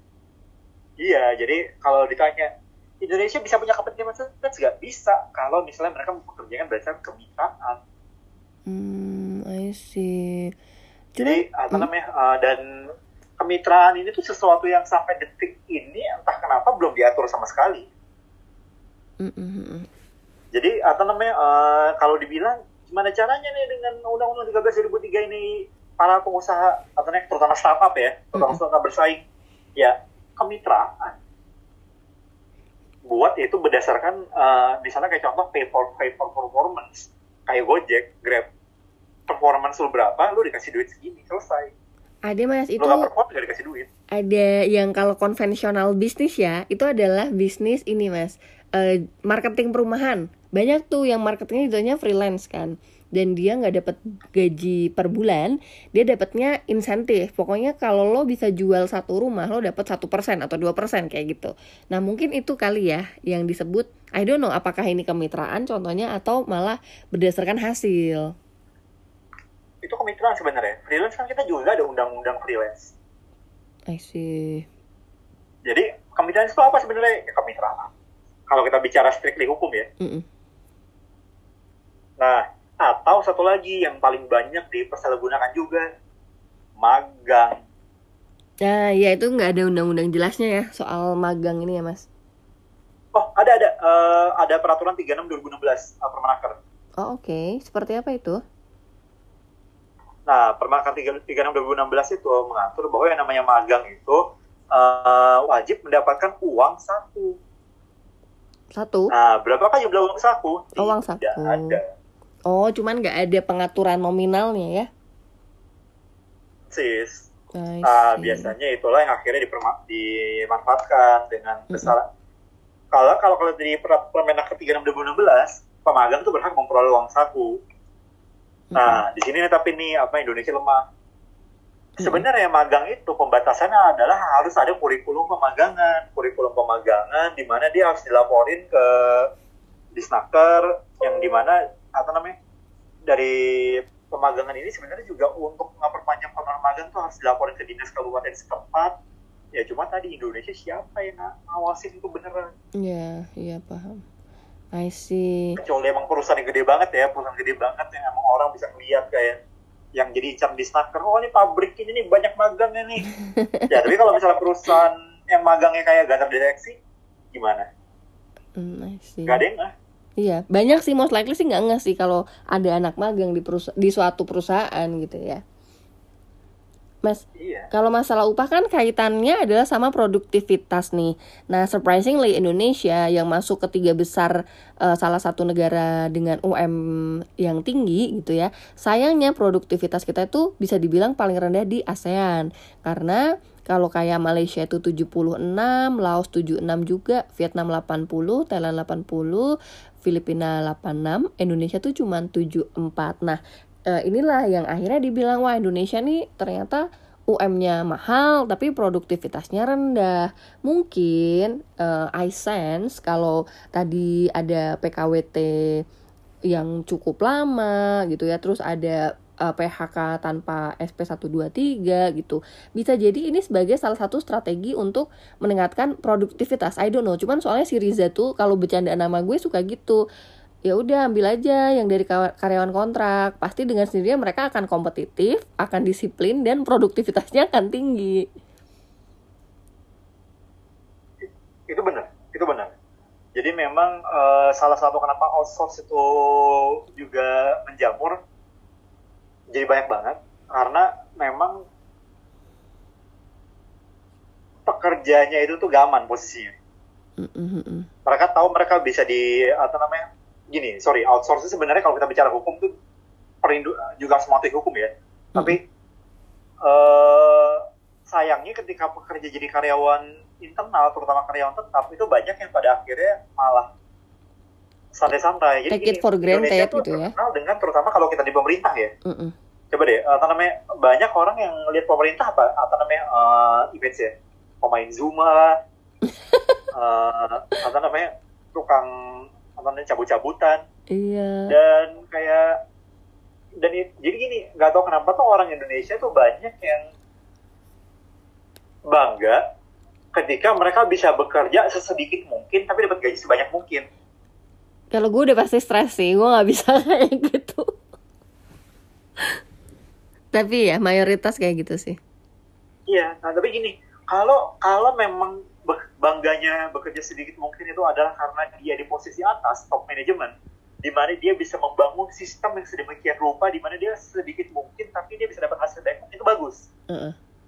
Tapi kalau sedikit mungkin dalam arti kayak karena pengawasannya lemah, jadi dia bisa apa namanya eh, datang jam 10 misalnya, jam 12 cabut ke mall, balik lagi jam 3, jam 5 pulang ya. Itu ya nggak bener Mm-mm. tapi ada itu kan terkenal banget dulu karena ada di suatu tempat yang tidak perlu disebut namanya yang banyak tuh pekerja-pekerja baru dat baru masuk siang baru siang itu pun kayak baru masuk bentar jam dua jam udah udah pergi mau ma- Mm-mm. makan siang tuh kayak pergi entah ke mana nanti balik-balik jam 3 jam 4 kerja sejam pulang ya kayak iya apa iya. bisa dicapai di hari itu oh my god Riza gimana lo ada komen gak soalnya ini jokes internal kita nih sebenarnya Hmm. Wah nggak tahu soalnya di tempat saya bekerja tidak seperti itu asik kak. Iya tapi nggak sih itu bener. Eh, aku sependapat sih soal beberapa ya. Aku nggak ngomongin soal semuanya ya beberapa eh, plat merah. Iya beberapa plat merah aku juga sering ketemu di jam-jam tertentu. Hmm, banyak yang ngopi masih pakai seragam. Eh, karena seragamnya kan sangat mencolok ya. Jadi kita bisa notice oh itu ini itu ini itu kelihatan Mm-mm. sering sih. Ya kadang-kadang merasa tidak fair kita yang di luar ya merasa tidak fair kok mereka bisa ketawa-tawa ngopi-ngopi di saat jam 10 orang harusnya sudah ketik-ketik-ketik-ketik gitu I see. Ya kalau mau memaklumi sebenarnya sih nggak hmm, kita nggak punya kewajiban untuk memaklumi mereka ya. Justru kita kewa- kewajiban kita untuk menuntut mereka kembali bekerja kan? Mm-mm. jadi sih no excuse menurutku ya. Orang-orang yang lazy yang mikirnya eh, kerja sedikit mungkin tapi hasil sebanyak mungkin dengan tujuan bukan untuk eh, efektivitas kerja ya. Tujuannya bukan efektivitas kerja tapi tujuannya karena memang mereka eh, lazy Mm-mm. jadi ya harusnya nggak gitu sih Ya, I see. Mungkin memang salah satu hal yang harus kita perbaiki dari sistem kerja kita adalah produktivitas kita gitu. Karena jujur sih gue tuh kayak ketabok sih sama indeks produktivitas Indonesia gitu. uh, kalau menurut analisa sebenarnya kenapa produktivitas Indonesia tuh rendah satu banyak pekerja yang um, belum skillful artinya misalkan kebutuhannya SMK tapi dia dari SMA biasa gitu kan. Sehingga akhirnya harus ada training lagi. Sayangnya training ini tidak dilakukan. Kemudian yang kedua adalah teknologi gitu kan. Nah Indonesia tuh padat karya banget. Tapi sebenarnya akan bisa lebih cepat lagi kerjanya dengan perpaduan teknologi. Sayangnya penetrasi teknologi ini masih belum bisa. Dan kalaupun udah ada teknologinya kadang manusianya yang belum bisa mengoperasikan. Sehingga itu juga sebagai salah satu yang menurunkan produktivitas. Dan um, well mungkin hal lainnya ada dari work ethic gitu. Bahwa Indonesia nggak disiplin. Ya gue melihat diri gue sendiri sih. Walaupun gue kalau kerja malam tuh bisa sampai malam tapi pagi tuh gue susah banget. Padahal kan ya mau nggak mau gue harus gue kerja gue jadi karyawan gue harus ngikutin gitu aturan perusahaan gue. Cuman itu tadi karena mungkin gue ngerasa wah gue kan pegawai tetap nggak mungkin nih gue dipecat hanya karena kayak gini gitu kan. Mungkin hal-hal itulah ya urgensi untuk meningkatkan produktivitas sehingga secara sistem in general dibuatnya tuh seperti ini. I don't know that, that was just my two cents sih mas Rangga. Itu itu jadi ya me memang tadi ya memang sebenarnya sebagian ya tapi tadi ya bagian bagian kan kit gini. Ada orang yang memang ketika ngelihat ada orang kayak gitu tuh kayak ah ya udahlah apa namanya ya itu hidup mereka kayak gitu tapi gue pengen serius. Mm. tapi ada juga kan orang-orang yang lihat kayak anjing kalau mereka bisa kayak gitu ngapain gue serius? Iya. Yeah. nah ini yang jadi masalah sebenarnya ya. Mm -mm ketika orang-orang yang pada akhirnya terpengaruh ngelihat orang-orang ini kayak bisa santai sedangkan dia harus apa namanya uh, dengan berusaha tapi dia bisa orang-orang kayak dapat dan bisa santai-santai dengan gaji yang sama itu bisa merusak moral yang lain juga. Yes, yes. Nah mudah-mudahan UU Ciptaker ini nggak hanya untuk yang blue collar maupun pekerja swasta ya, mudah-mudahan ini juga sampai ke pekerja plat merah maupun uh, aparatur negara gitu, supaya fair semua, supaya semua orang ngerasain.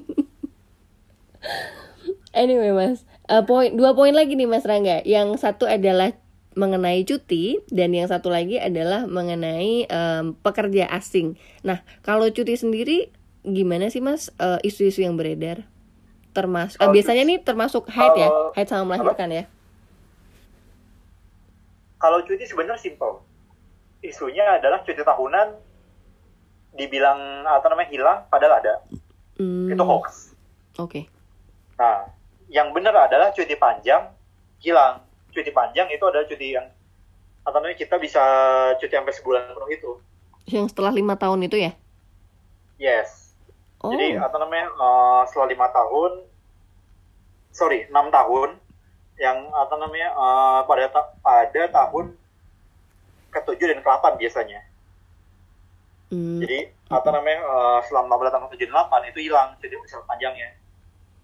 Waduh, itu berat. Eh, bukan berat sih. Sebenarnya gini, kalau di beberapa kantor, Mas, cuti panjang ini memang bisa dijalankan. Jadi sebulan penuh dia bisa bisa cuti gitu. Tapi pada kenyataannya biasanya kalau udah sampai level manajer ke atas itu akan susah banget untuk diambil karena pekerjaannya banyak gitu kan dan pada akhirnya uang eh sorry si cuti panjang ini bisa dikonvert menjadi uang kan.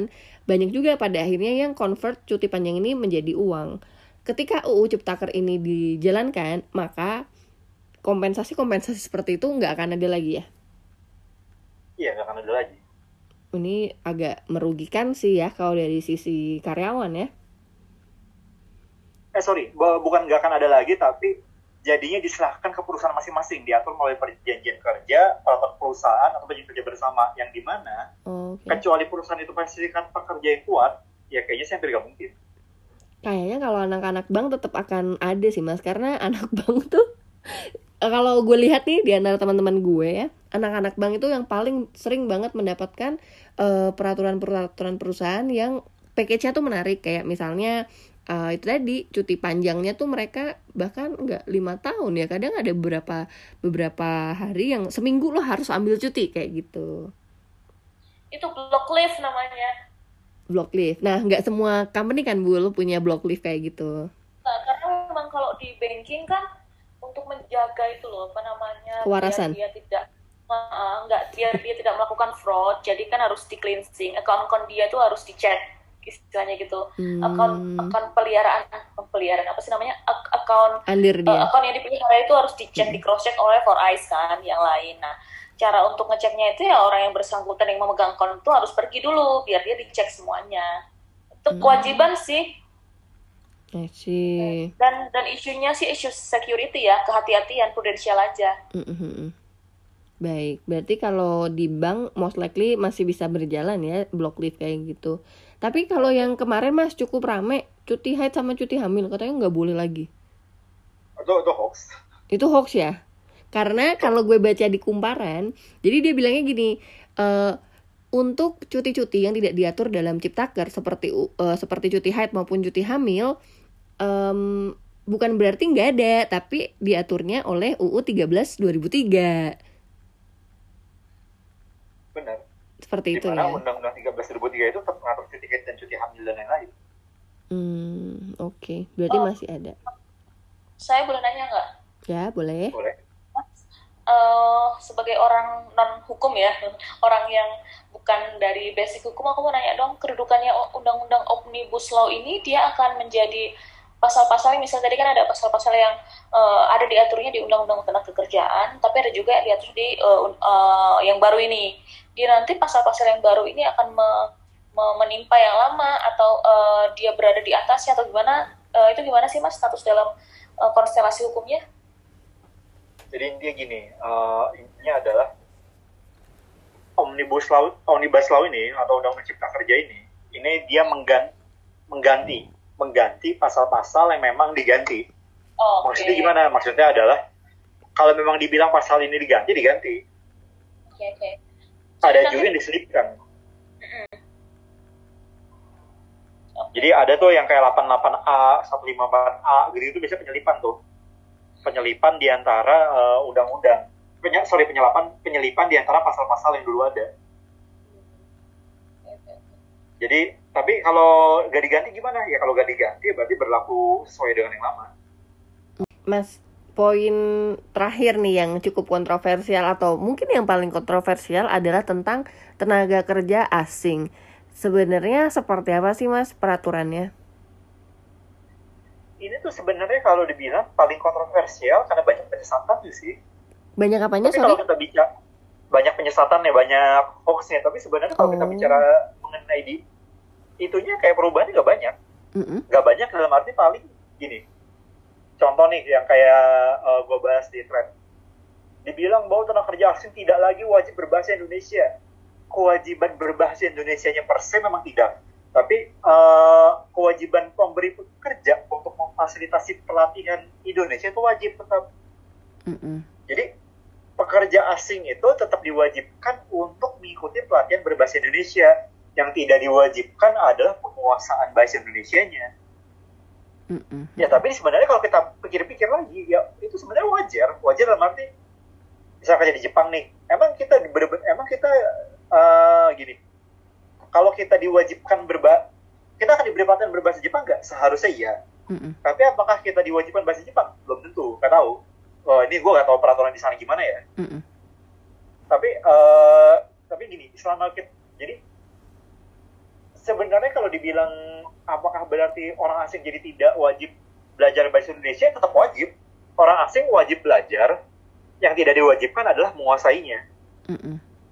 selain itu kalau yang banyak hoax juga itu adalah bahwa sekarang orang asing bisa jadi kasir misalnya atau pekerja-pekerja yang uh, posisi bawah bawah tanda kutip ya mm-hmm. itu tuh enggak kan dikhawatirkan bahwa nanti posisi kita mulai dari uh, teller kasir atau pekerja petugas kebersihan digantikan oleh tenaga kerja Cina misalnya mm-hmm. yang kalau apa Cina sering sekali disebut uh, tanpa bermaksud ya mm-hmm. tapi uh, itu tuh hoax jadi mas um, untuk TKA yang di Indonesia itu isunya kan emang benar ya bahwa blue collar tuh akan bisa ditempati oleh para pekerja asing. Itu hoax. Itu hoax. Jadi peraturan Ciptaker ini gimana tuh Mas tentang tenaga kerja asing?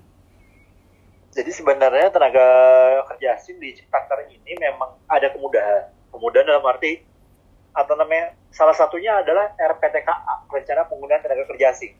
Mungkin yang memang sudah banyak lawyer asing di eh, lawyer asing, tenaga kerja asing di tempatnya itu paham dengan RPTKA itu kayak repot ngurusnya, kayak mulai ada interview hmm. di Staker lah, sebanyak. Nah itu uh, beberapa itu dipermudah untuk atau misalnya kayak tenaga kerja asing dibutuhkan oleh startup, itu tuh nggak perlu tuh lagi hmm Tapi in a way sebenarnya kalau kita bicara batasan itu tuh masih dibatasin. Contoh misalnya kayak dapat pekerjaan di Indonesia hanya dalam hubungan kerja untuk jabatan tertentu aja tetap ada. Mm-hmm. Terus dilarang menduduki jabatan yang mengurusi personalia. Jadi jabatan itu tetap dibatasi, jabatan yang mengurusi personalia itu tetap dibatasi. Jadi kayak ya yang dimudahkan tuh kan cuma administratifnya aja. Tapi kalau secara hmm. konsep masih sama, sama bahwa yeah. mereka terbatas. I see. Dan setahu gue juga sebenarnya tenaga kerja asing yang ada di Indonesia most likely ya higher level gitu bahkan kayak manajer yang junior tuh nggak ada pasti udah tipikalnya GM, director dan beberapa nggak boleh menggunakan istilah CEO ya kalau lo director, board of director di situ lo nyebutnya consultant. Correct me if I'm wrong mas. Sebenarnya boleh kalau kita bicara di apa namanya undang-undang 13 direktur asing itu boleh hmm. CEO itu sebenarnya bukan penyebutan yang formal kalau kita bicara Indonesia cuma ada direktur dan direktur asing itu banyak hmm. di mana-mana iya sih banyak Jepang, sih terutama tuh iya Jepang betul betul betul jadi kalau untuk yang blue collar bisa dipastikan itu hoax uh, administrasinya memang dipermudah, tapi konsepnya masih mengikuti ketentuan yang lama ya. Iya, masih dibatasi. Oke, okay. so well mas, setelah kita membicarakan mengenai UU Ciptaker ini sendiri, sebenarnya uh, mau teman-teman yang dengerin ini agree or disagree, itu kembali lagi ke hak masing-masing orang ya. Tapi kalau lo sendiri mas ngelihat ini dari sisi pekerja, seperti apa sih? Oke okay atau enggak?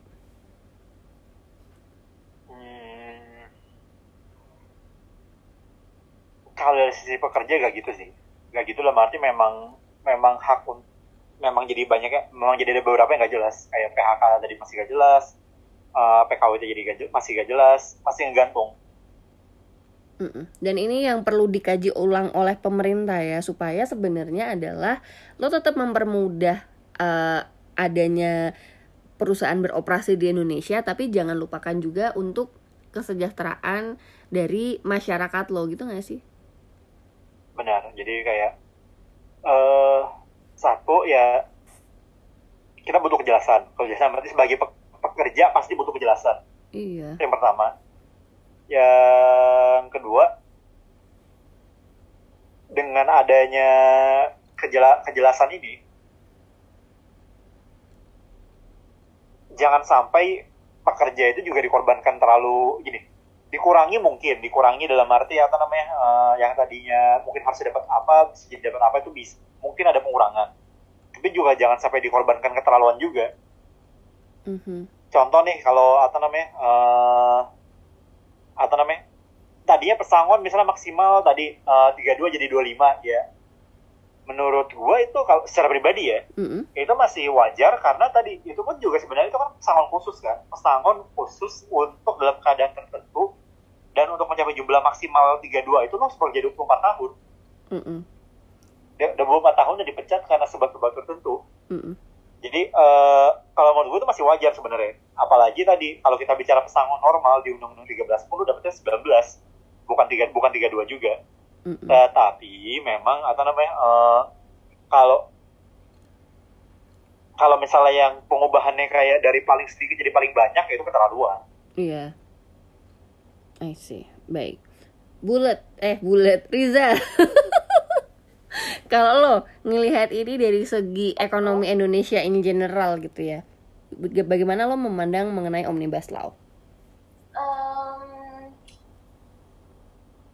mungkin teman-teman yang melihat omnibus law itu jangan ini undang-undang yang sangat kaya gitu loh, banyak sekali yang diatur kalaupun sekarang yang uh, sering banget kita dengar terkait dengan tenaga kerja ya karena memang namanya juga urusan perut ya urusan perut. Perut itu kan hajat hidup ya itu kan pasti akan jadi uh, perkara yang akan sangat diperjuangkan gitu loh. Cuman uh, kembali lagi omnibus law itu undang-undang yang sangat kaya. Mungkin uh, saya uh, gimana ya? Kalau dari sisi pemerintah uh, harapannya pasti lah harapannya pasti dengan dengan terbitnya omnibus law dia bisa memicu investasi investasi membuka lapangan kerja lapangan kerja meningkat kemudian uh, kesejahteraan pegawai karyawan yang meningkat kemudian industri-industri pendukung tumbuh UMKM pendukungnya akan tumbuh mungkin itu yang diincar oleh pemerintah. Uh, cuman ya gimana ya a good strategy kalau poorly executed kan agak jelek ya nanti hasilnya jadi ya uh, aku wait and see aja deh. Gimana nanti hasilnya si omnibus law ini. Oke okay, baik. Uh, gue gue pikir lo tuh orangnya pesimis lo bul. Eh salah. Optimis lo bul. Ternyata masih wait and see ya. Ya karena uh, itu tadi loh Indonesia ini sebenarnya investment udah banyak tidak ada yang bermasalah walaupun tidak tidak tidak tidak tidak tidak bisa ngalahin yang Cina India segala macam lah ya. Cuman uh, dampaknya ini kan selama beberapa tahun juga sama. Uh, pertumbuhan ekonomi kita masih mentok di lima persen lima persen aja kan. Nggak nggak sampai signifikan banget. Kalau memang nanti investasinya uh, omnibus law keluar kemudian investasinya masuk banyak bisa nggak dia mendongkrak ekonominya sampai let's say di angka yang sebelumnya lah tujuh delapan persen? Bisa nggak ya? Uh, ini aku nggak tahu nggak tahu karena masih masih masih apalagi masih pandemi kayak gini ya itu masih unpredictable banget sih kalau menurutku ya. Mm -mm. yes. Kalau gue melihatnya mungkin gini ya gue sebagai orang yang uh, karyawan sebagai pekerja dan juga sebagai orang yang pernah menjalankan bisnis almost bisnis gue sendiri karena ownernya memberikan kepercayaan sampai di tingkat itu. Sebenarnya omnibus law ini banyak kemudahan yang diatur oleh pemerintah seperti tadi perizinan satu pintu, kemudian dibantu dengan riset dan inovasi, dibantu kemudahan perlindungan dan pemberdayaan untuk UMKM dan juga kooperasi. Terus um, ini juga omnibus law ini merupakan follow up dari WTO dispute settlement di mana WTO settlement uh, dispute settlement ini meminta adanya pengaturan impor atas pangan peternakan kesehatan hewan, hortikultura, perlindungan dan pemberdayaan petani. Artinya harusnya si Omnibus Law ini kalau diimplementasikan dengan baik, maka kesejahteraan petani sama nelayan itu pun akan meningkat juga karena mudahnya perizinan dan juga disupport oleh akses investor maupun transfer knowledge ya. Terus izin usaha tuh juga dipermudah untuk UMKM. Makanya uh, dengan adanya omnibus law ini harapan gue terhadap pemerintah sih sebenarnya cukup tinggi ya bahwa um, kemudahan-kemudahan ini pada akhirnya akan menumbuhkan investor lokal juga yang punya bisnis sendiri juga mengingat Indonesia tuh masih rendah banget nih rate pengusahanya. Dan uh, pada akhirnya ada juga nih peraturan yang mengatur tentang sanksi K3L atau kesehatan, keselamatan, keamanan lingkungan. Ini gue belum baca sepenuhnya, tapi ketika sanksi ini benar-benar diperbaiki lagi, maka sebenarnya ada banyak hal yang bisa diperbaiki dari keseluruhan uh, sistem hukum Indonesia. Mungkin ya Mas Rangga gue ini opini sotoy gue sih. But the thing is kalau uh, kita lihat omnibus law secara keseluruhan, kemudian ada demo, ini adalah saat di mana sistem demokrasi di Indonesia tuh sedang berjalan. Cuman boleh ikut demo, tapi jangan jangan ini dulu, jangan emosi tanpa lo pernah tahu isi dari undang-undang tersebut. Dan menurut gue sebagai orang yang berilmu apalagi kita generasi muda ya akan lebih baik lagi kalau kita mau belajar tanpa emosi dulu gue tuh sempet ini mas Rangga eh, nonton film Fear City jadi di Fear City ini adalah uh, keadaan New York tahun 70-an di mana mafia itu menguasai New York dengan dengan alatnya berupa serikat pekerja gitu kan. Dan jangan sampai kita ini yang pekerja jadi komoditas gitu loh buat orang-orang yang mencari kepentingan-kepentingan di balik uh, peraturan-peraturan ini karena dari sekian banyak poin tentang omnibus law kenapa hal utama yang selalu diangkat adalah tentang uh, buruh ini padahal kan yang lainnya kenapa lo nggak review lo nggak ajakin untuk di di dikaji ulang juga gitu. I don't know. What do you think Mas Rangga? Benar. Jadi menurut gua tuh gimana ya? Kita tuh ketika kita terlalu dalam tanda kutip uh, meromantisasi upaya yang keras demo uh, dan lain-lain. Yang nggak salah tapi jadinya akan ngaco ketika dijustifikasi. Ya gak apa-apa kita gak tahu isinya. Atau yang penting kita tahu ini apa namanya uh, salah. Ya pertanyaan dari gue ada kalau ngebaca itu gimana caranya lu gak tahu isinya tapi lu tahu itu salah Mas Terus mem kayak mem yang keluar ya, di Twitter kan gini Mas ya orang Indonesia gimana mau baca 195 halaman tulisan di pintu Indomart uh, tarik aja sama mereka didorong. Dia dan gue tuh sebenarnya kasihannya gini kasihannya tuh adalah ya kalau misalnya eh yang orang-orang turun ke jalan itu kan juga mereka pasti pengen memperjuangkan sesuatu kan. Of course.